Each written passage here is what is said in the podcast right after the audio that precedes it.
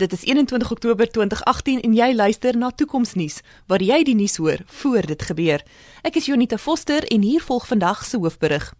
Die verlaagde belangstelling in kriptogeldeenhede het talle kriptomyners met die tyd en toerusting gelaat wat hulle in staat stel om kuberaanvalle te loods op finansiële instansies se stelsels.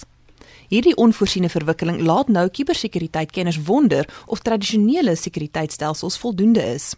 Finansiële instansies ondersoek tans die gebruik van kwantumkriptografie om hul sekuriteitstelsels meer opgewasse te maak.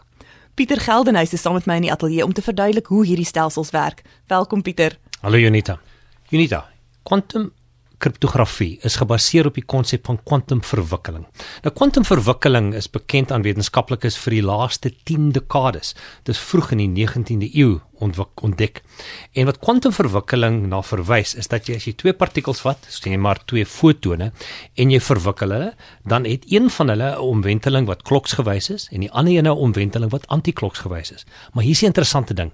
Nadat hierdie twee partikels verwikkel is, weet ons nie watter een van die twee in watter tipe omwenteling is nie. En ons kan hierdie twee partikels nou van mekaar skei en ons weet nog steeds nie wat is hulle omwenteling nie. En ons kan die een partikel by ons hou en die ander een aan die ander kant van die heelal stuur.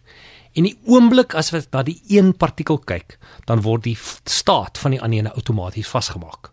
Dit is vreeslik vreemd. Einstein het daarna verwys as spooky action at a distance. en dit beteken party mense het gewonder is hier iets wat nou vinniger as die spoed van lig beweeg, meer inligting. Soos ek sê, niemand kan werklik verstaan hoekom dit werk nie. Ons weet wel dit werk baie goed. En dit beteken dat ek twee partikels kan verwikkel en een in een rigting kan stuur en die ander een by my kan hou. En die oomblik as een persoon of 'n ander entiteit na die een partikel kyk, dan is die ander een vas. En dit is dus die basis van 'n nuwe era van rekenaarsekuriteit en dit is die konsep agter kwantum kriptografie. Dit beteken dat jy partikels verwikkel in verskeie rigtings stuur en dan agterkom indien enige iemand sou inluister of na jou data kyk voor dit by die verwagte eindpunt sou uitkom. En dit is die basis van kwantumverwikkeling.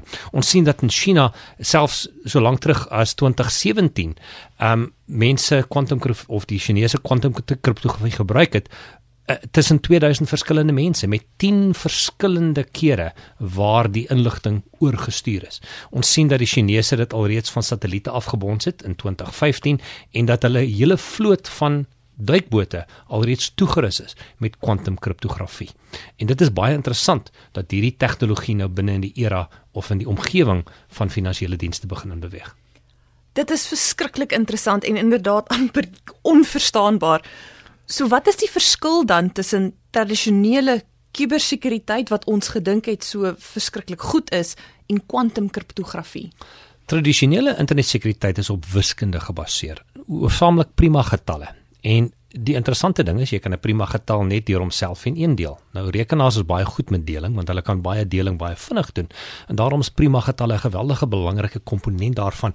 En die hele basis van internetsekuriteit is eintlik rondom prima getalle gebou en geweldig baie verwerkingskrag wat jy nodig het om hierdie sleutels te ontsluit met die ekstra verwerkingskrag wat nou beskikbaar is binne in die wêreld raak die internetsekuriteit baie meer bevraagtekenbaar en as jy werklik wel 'n kuberkraak aktiwiteit sou doen op 'n finansiële instelling kan geweldig baie geld dis te sprake kom.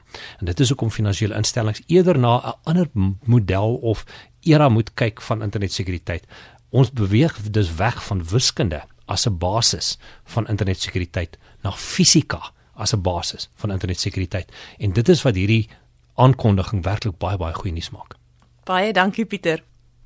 'n Woordvoerder van die Instituut vir Finansiële Instansies sê dat die teoretiese verduideliking van kwantumverwikkeling nog steeds nie baie goed verstaan word nie. Niemand het gedink dat die subatomiese wêreld so vinnig so groot impak op tegnologie sal hê nie.